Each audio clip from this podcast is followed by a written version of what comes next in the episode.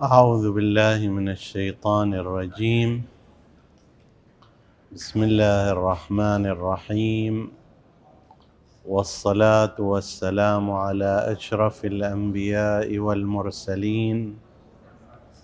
سيدنا أبي القاسم المصطفى محمد.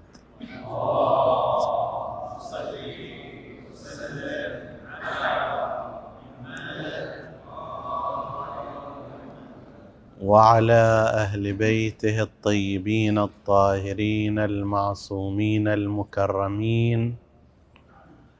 السلام عليكم أيها الإخوة المؤمنون أيتها الأخوات المؤمنات ورحمة الله وبركاته. قال الله العظيم في كتابه الكريم بسم الله الرحمن الرحيم. أفمن يهدي إلى الحق أحق أن يتبع امن لا يهدي إلا أن يهدى فما لكم كيف تحكمون آمنا بالله صدق الله العلي العظيم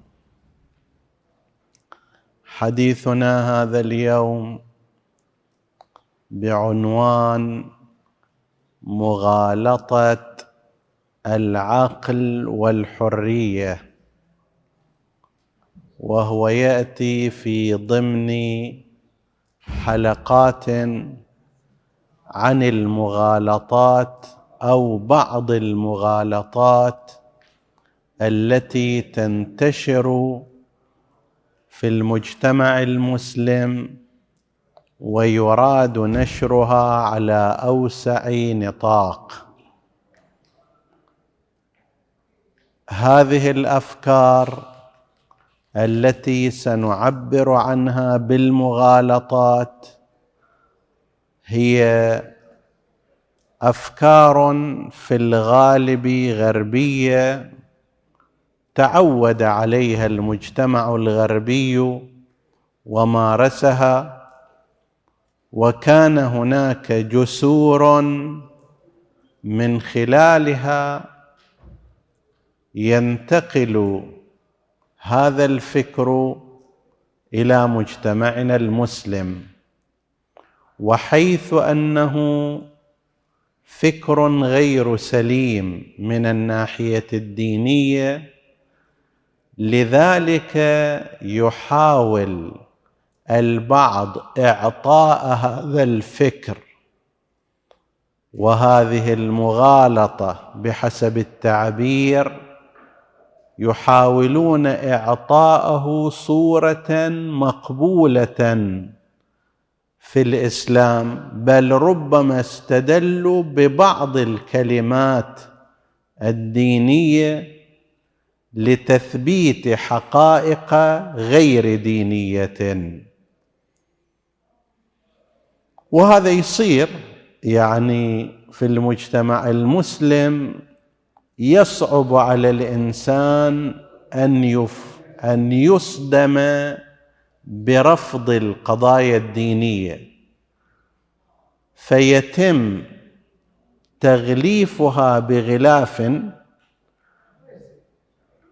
ظاهره حسن وهذا نفس الشيء اللي يسويه الشيطان. الشيطان لا يأتي للإنسان المسلم ليقول له مثلا اترك الصلاة. ما يقبل الإنسان المسلم وإنما يقول له ماذا؟ ليس المهم الصلاة المهم أثر الصلاة. فإذا الصلاة ما تأثر فيك ما تغير أخلاقك ما تغير سلوكك فما فائدة هذه الصلاة؟ اتركها أحسن إليك.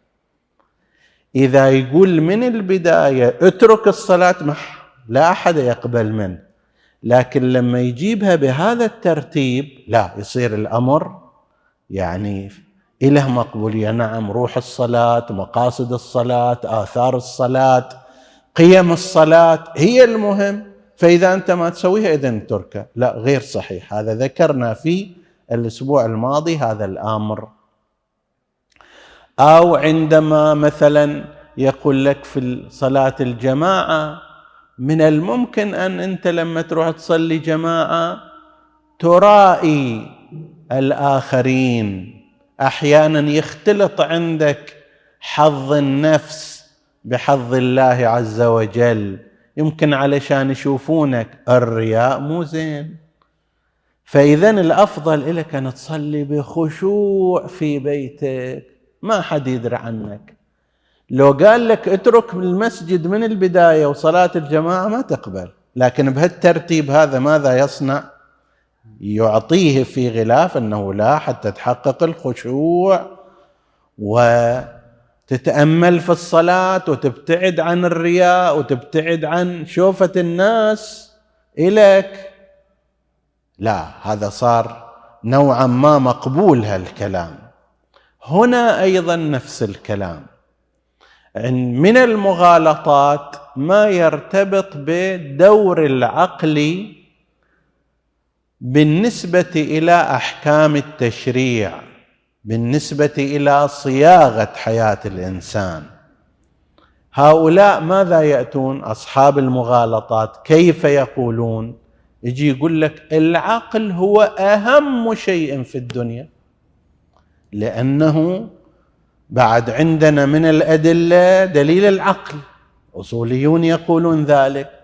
ثم ما جاء في فضل العاقل وأهميته إحنا تحدثنا في وصية الإمام موسى بن جعفر عن أهمية العقل لعله 35 حلقة تحدثنا فيها كلها في تعظيم العاقل وإبراز قيمته والاعتماد عليه وآفاته وما شابه ذلك. يجي يقول لك أئمتنا قالوا أول ما خلق الله العقل. لطيف هذا ال هذا ال هالسطران مروي مرويان عن الإمام الباقر والإمام الصادق والإمام الكاظم عليهم السلام.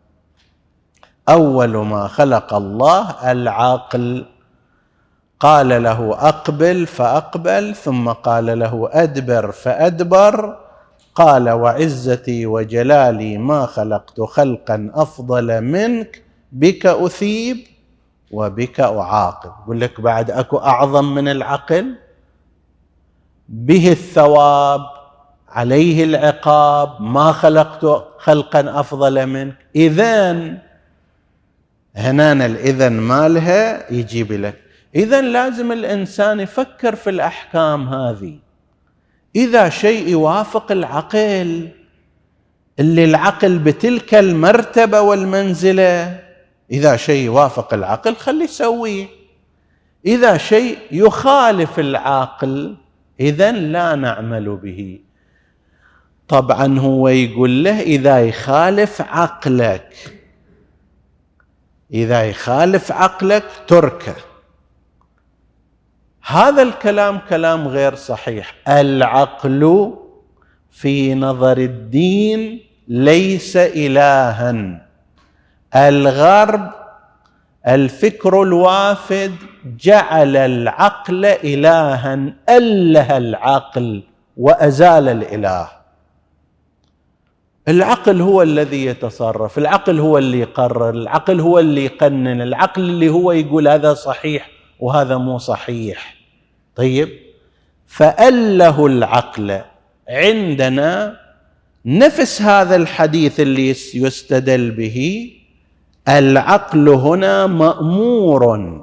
قال له أقب مخلوق ثم هو مأمور قال له أقبل أقبل. هو ليس صاحب أمر العقل.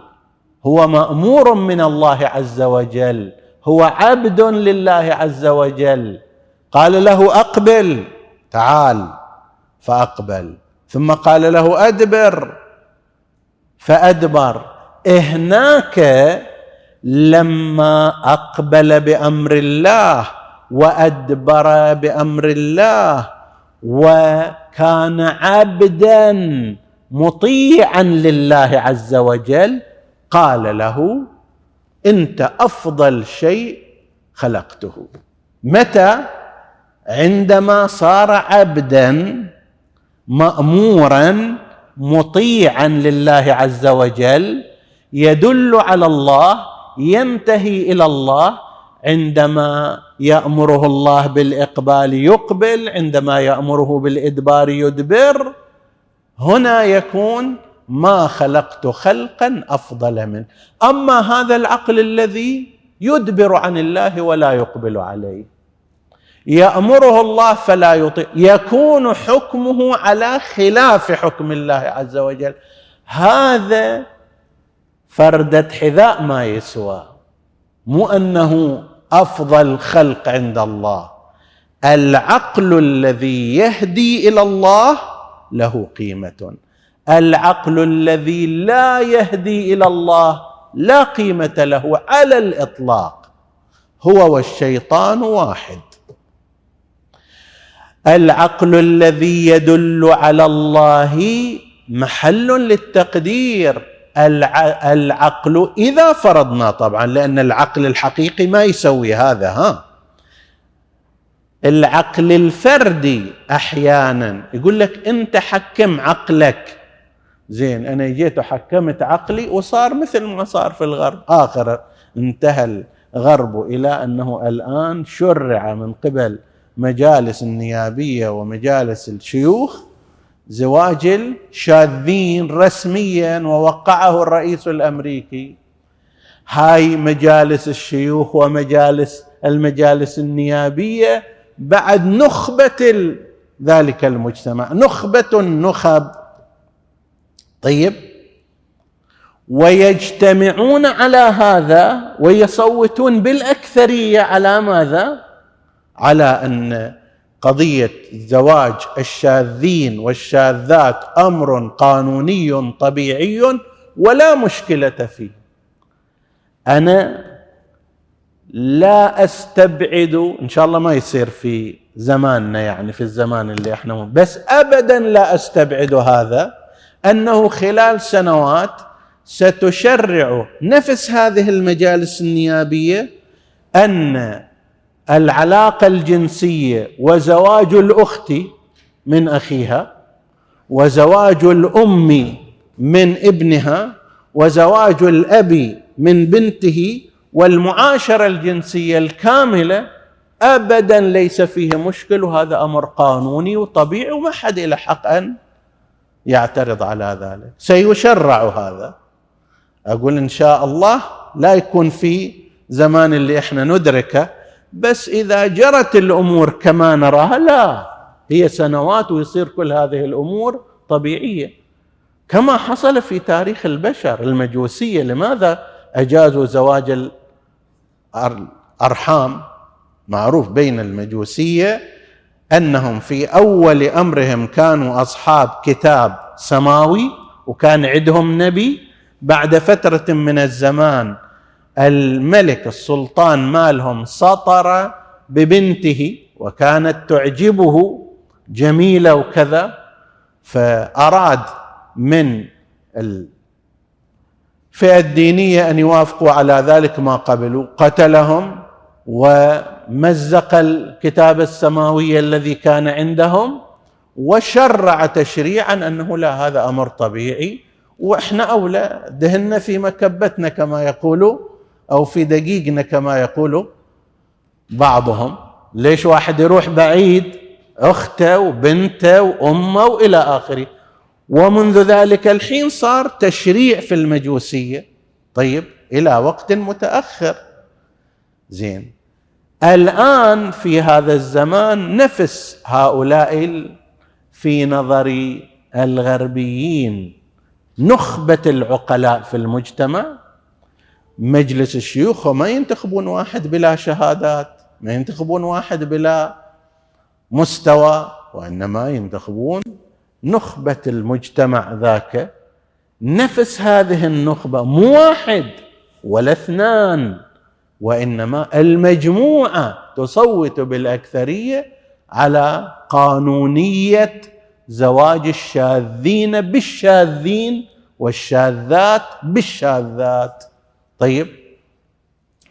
هذا العقل لا يسوى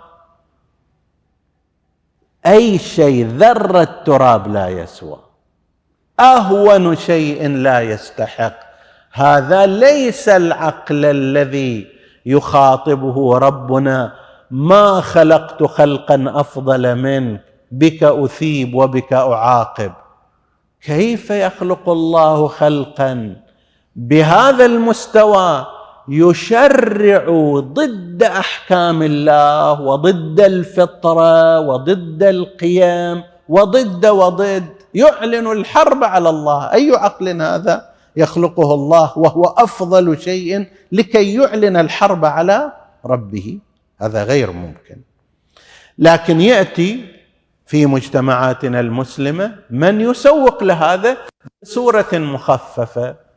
يقول لك أنت لا تأجر عقلك إلى غيرك لا تسمع لآخرين حكم عقلك. واللطيف أنه يقول لا تسمع لآخرين بس اسمع كلامي. أنا اللي قاعد أقول لك أنا الغربي أو ناقل الفكر الغربي اللي أقول لك لا تسمع لآخرين اسمع كلامي في أن لا تسمع لآخرين. يعني اسمع إلي ولا تسمع إلى غيري. ما هذا التناقض؟ إذا لا يسمع لأحد أنت أيضا من الأحد الذين لا ينبغي السماع لهم. إذا لا كما جاء في القرآن الكريم الذين يستمعون القول فيتبعون أحسنه. مو الحسن منا يتبعون الأحسن ولا ريب أن العقل لا يهدي إلى الشيء القبيح إنما يهدي إلى الحسن مطلوب أن يهتدي الإنسان مو بس إلى الحسن وإنما إلى الأحسن. فمن المغالطات التي تشاع ويراد أن تؤثر في الناس هو هذا المعنى أنه إحنا نعتمد على عقولنا وعقولنا هي الحكم وهي الفيصل حتى الشرع أيضا لازم نخضعه إلى العقل وما شابه ذلك. هذا يرجع إلى مسألة قبل. العقل إله أو عبد؟ إذا إله فكلام الغربيين صحيح وما لازم تعترض عليه ذاك الوقت. لا تعترض على زواج الشاذين لا تعترض على نكاح المحارم لا تعترض على أي شيء. ليش؟ لأن من تصم من تسميه بالعقل وهو هوى. في الواقع هو هوى. طيب من تسميه بالعقل جعل وهو هوى جعلته الها. أفرأيت من اتخذ إلهه هواه؟ القرآن الكريم يحذر يقول ترى هذا مو عقل. واحد واثنين أنت قاعد تتخذه الها. الها معناه له الكلمة الفاصل بينما بالنسبة إلى المتشرع يقول لا الكلمة الفصل هي لله عز وجل وإذا وصلنا العقل إلى شيء خلاف ما شرع الله فيتبين هذا مو عقل يتبين هذا هوى يتبين هذا شهوة يتبين هذا غفلة ينبغي أن يترك. فاولا عندما يصير كلام حول العقل وأن كل إنسان عنده عقل كل إنسان لازم يحكم عقله كل إنسان لازم ما أدري يشوف هالأحكام هذه تنطبق على العقل أو لا هذا كلام ينبغي أن يوضع عليه علامة استفهام. يقال هذا العقل الذي تتحدثون عنه إله أو عبد؟ إذا عبد أهلا وسهلا. الله الواحد الأحد الفرد الصمد لا يوجد غيره. إله. العقل عبد والنبي عبد والإمام عبد والإنسان عبد والطبيعة عبد وكل شيء هو عبد لله عز وجل. العبد قانونه أن يأتمر بأمر سيده. بأمر مولاه. إذا خالف أوامر مولاه هذا العبد لا قيمة له. إذا وصل إلى مكان غير ما أوصله مولاه إليه يقال له خاطئ أنت أرجع. وإذا تمرد يقمع. هذه مغالطة ترتبط بقضية العقل طبعا دور العقل ضمن إطار العبودية ضمن إطار الدلاله على الله عز وجل له المنزلة العظمى وهو الذي به يثيب وهو الذي به يعاقب وهو الذي هو أفضل خلق خلقه الله عز وجل. هذه المغالطة الأولى. المغالطة الثانية ما يرتبط بالحرية. ينشر في مجتمعاتنا أن الإنسان حر. يختار أي طريق يريد. لا تجبر الناس على طريق معين. أنا حر في بدني أصنع به ما أشاء. ما حد يجبر. المهم أن ما أذيك ما أعتدي عليك لكن أريد ألبس هالشكل ذاك الشكل. أنت ما لك حق تعترض علي؟ ليش؟ لأن أنا حر. أريد أمارس هالطريقة من العبادة. تلك الطريقة أيضا ما لك حق تعترض علي؟ أنا حر. أريد أمارس هالعلاقة من الشهوة ومن اللذة أو تلك الطريقة. أيضا ما لك حق تعترض علي. أيضا أنا حر. أنا قاعد أتصرف في بدني ما أتصرف في بدنك. إذا ضرر راح يصير علي ما راح يصير عليك. فأنا حر في ذلك. ما دام أنا حر إذا اتركوني على حريتي. وهذه الآن اللي دا يمهد فيها إلى قضية الشاذين والشاذات. يقول لك حتى هذا أيضا للإنسان حرية أن يتحول من جنس إلى جنس. شنو اعتراضك عليه للانسان حريه ان يشبع لذته بالنحو الذي يراه هو مناسب إلى مع مثله الجنسي أو مع مخالفه طيب هذه واضح ان صورتها صوره بشعه وغير صحيحه ليس الانسان حرا الانسان ليس حرا الإنسان في هذا الكون عبد رغب أو رغم شاء أو أبى. في هذا الكون سيد واحد والباقي عبيد. ما في أحد حر في هذا الكون. مخلوق يعني عبد. ما سوى الله السيد. الرب الذي لا يسأل عما يفعل وهم يسألون. الرب الذي هو على كل شيء قدير وبكل شيء محيط. وفعال لما يريد. هذا واحد. أحد وهو الله. باقي ما خلق ومن خلق كلها عبيد مربوبة. فهذا أصل الفكرة فكرة منهدمة أنه أنا حر. لا لست حرا. من يقول أنت حر؟ أنت لست حرا. أنت عبد. نعم عبد ولكن متمرد على نظام العبودية. هذا نعم. أما أنت لست أما أنت حر لست حرا. لا يوم اللي إجيت فيها الدنيا أنت حر. ولا يوم اللي تطلع منها الدنيا أنت حر. في كليهما أنت عبد. لا تستطيع أن تبكر في مجيئك إلى هذه الدنيا ولادة يوم واحد ما تقدر. ولا تقدر هم تتأخر يوم واحد في مغادرتك لهذه الدنيا. طيب. لا شأن لك ولا شيء عليك في وجودك لا في أصله ولا في تفاصيله. هل شكل اللطيف الجميل الذي خلقك الله فيه. هذا مو اختيارك أنت. ولم تفعل فيه شيئا. ولم في الدعاء. عندنا يقول الدعاء ولم لم تشهد احدا خلقي ولم تجعل إلي شيئا من أمري. يا رب اخلقني عيني مثلا خضراء. ما إلك حق هذا. طويل قصير عريض كذا أشقر أسمر ابدا لا شأن لك بذلك أصلا.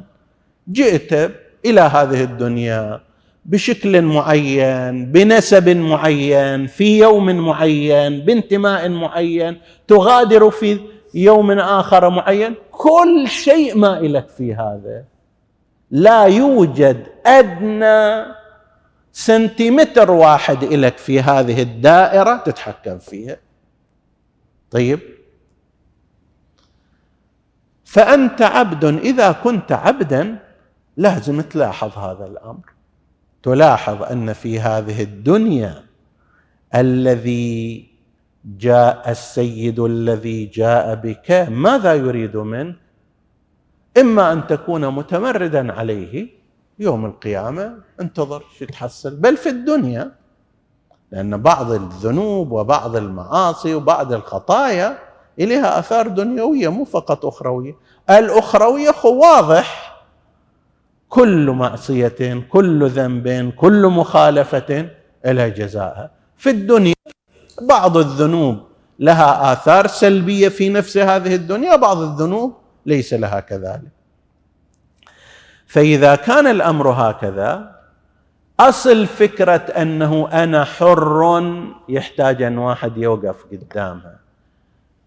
أنت حر تحت سيد ولك حق الاختيار وعليه يترتب أن تعاقب أو لا تعاقب.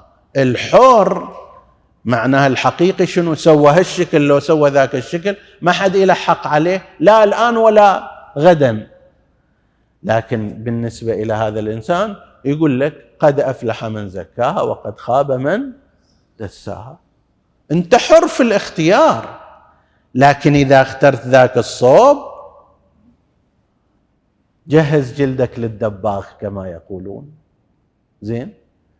يوم القيامة عذاب شديد لا يفتر عنهم. نعوذ بالله. جميعا من عذاب الله هم فيها خالدون. وين الحرية؟ يفترض أن الإنسان الحر سواء أخذ الطريق أو ذاك الطريق ما وراه شيء ينتظره. لكن هنا لا لا. إن اتخذت هذا الطريق اثبت وإن اتخذت ذاك الطريق عذاب شديد عذاب أليم. ففكرة أنه وفي هذه الدنيا أقدر أسوي هالشكل وأقدر أسوي ذاك الشكل نعم حر بمعنى لا يوجد شيء تكويني يمسك يدك. لكن حر بمعنى أنه لا أحد يتابعك بعد ذلك لا. أنت متابع أنت مراقب كل شيء يسجل عليك. واحد الآن لنفترض في الطريق في في سيارته يقول أنا أخالف الإشارات المرورية وأطلع ما أدري في الجانب الخطأ وأمشي في الإشارة الحمراء وكذا أقول له ما يخالف ولكن أكو هناك كاميرات آخر المشوار راح يمسكونك يذبونك سجن ويغرموك هاي شلون حرية؟ الحرية معناها أن الإنسان يفعل ما يشاء من دون ترقب عقوبة أما إذا سيعاقب سيسجن سيغرم شلون حرية؟ في أصل الاختيار نعم نحن أحرار ولكن كل اختيار له نتائج. لذلك أن واحد يجي يقول أو واحدة تجي تقول أنه أنا هذا بدني وأنا حره في أو أنا حر فيما أصنع فيه أعطيه لمن أشاء أنا حره أمنعه عمن أشاء أنا حره لا ليس كذا. اولا هذا ليس ليس بدنك. هو خلق الله عز وجل الذي لم تساهمي ولم تساهم فيه. هاي الصنعة صنعة الله. بهذه الطريقة جعلها الله سبحانه وتعالى. أنت ما كان لك شيء. ثم هم إذا تقول أنا أسوي وما أسوي الله ما قيدك ولكن رتب آثارا على اختيارك ذلك. من المهم جدا أن نلتفت إلى المغالطات التي تسرب لنا في عباءة ثقافية أو في لباس ديني أحيانا أو ضمن ما يسمى بالانفتاح الفكري أو ما شابه ذلك. كلها عبارات النتيجة أن افكارا خاطئة تنقل عبر جسور معينة إلى بلادنا وشبابنا و هو يقول لنا لا تسمع إلى غيرك لكن هو يغزوه بوسائل التواصل الاجتماعي. شلون لا تسمع إلى غيرك؟ يعني لا تسمعني أنا ولا تسمع أبوك لا تسمع إلى أبيك ولا تسمع إلى ناصحك لكن استمع إلي لأنه أنا أقدر أغزوك بهذه الوسائل في كل جهاز من الأجهزة بل أكثر من هذا. شهدتم المونديال الذي صار مصيبة على قضية لازم ندخل شعار الشاذين إلى هناك ويتعجب الإنسان من الإصرار اللي عندهم في هذا الأمر. أنت تقول حرية غير؟ زين ليش تجي تدخله إلي أنا؟ حتى وزير وزير الداخلية إحدى الدول سوت عمل المفروض أنه هذا يعتبر جنحة. أن تأتي إلى بلد يمنع شيئا بقانون وتحتال عليه الشعار ماله تخليه تحت الكوت مثلا أو ال overcoat أو ما شابه ذلك بعدين تنزعه حتى تصور وهذا خلاف القانون. ووزير داخلية وزيره داخليه المفروض هي تكون أكثر من يعتني بتطبيق القوانين.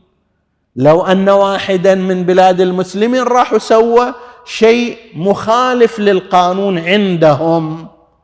طيب يعاقبونه. زين إيش معنى حلال عليكم حلال حرام على غيركم؟ وفي مثل هذا الأمر في مثل إيش هذا الإصرار؟ إيش هذا الجهاد؟ إيش هذا السعي؟ إيش هالاستعداد العجيب الغريب؟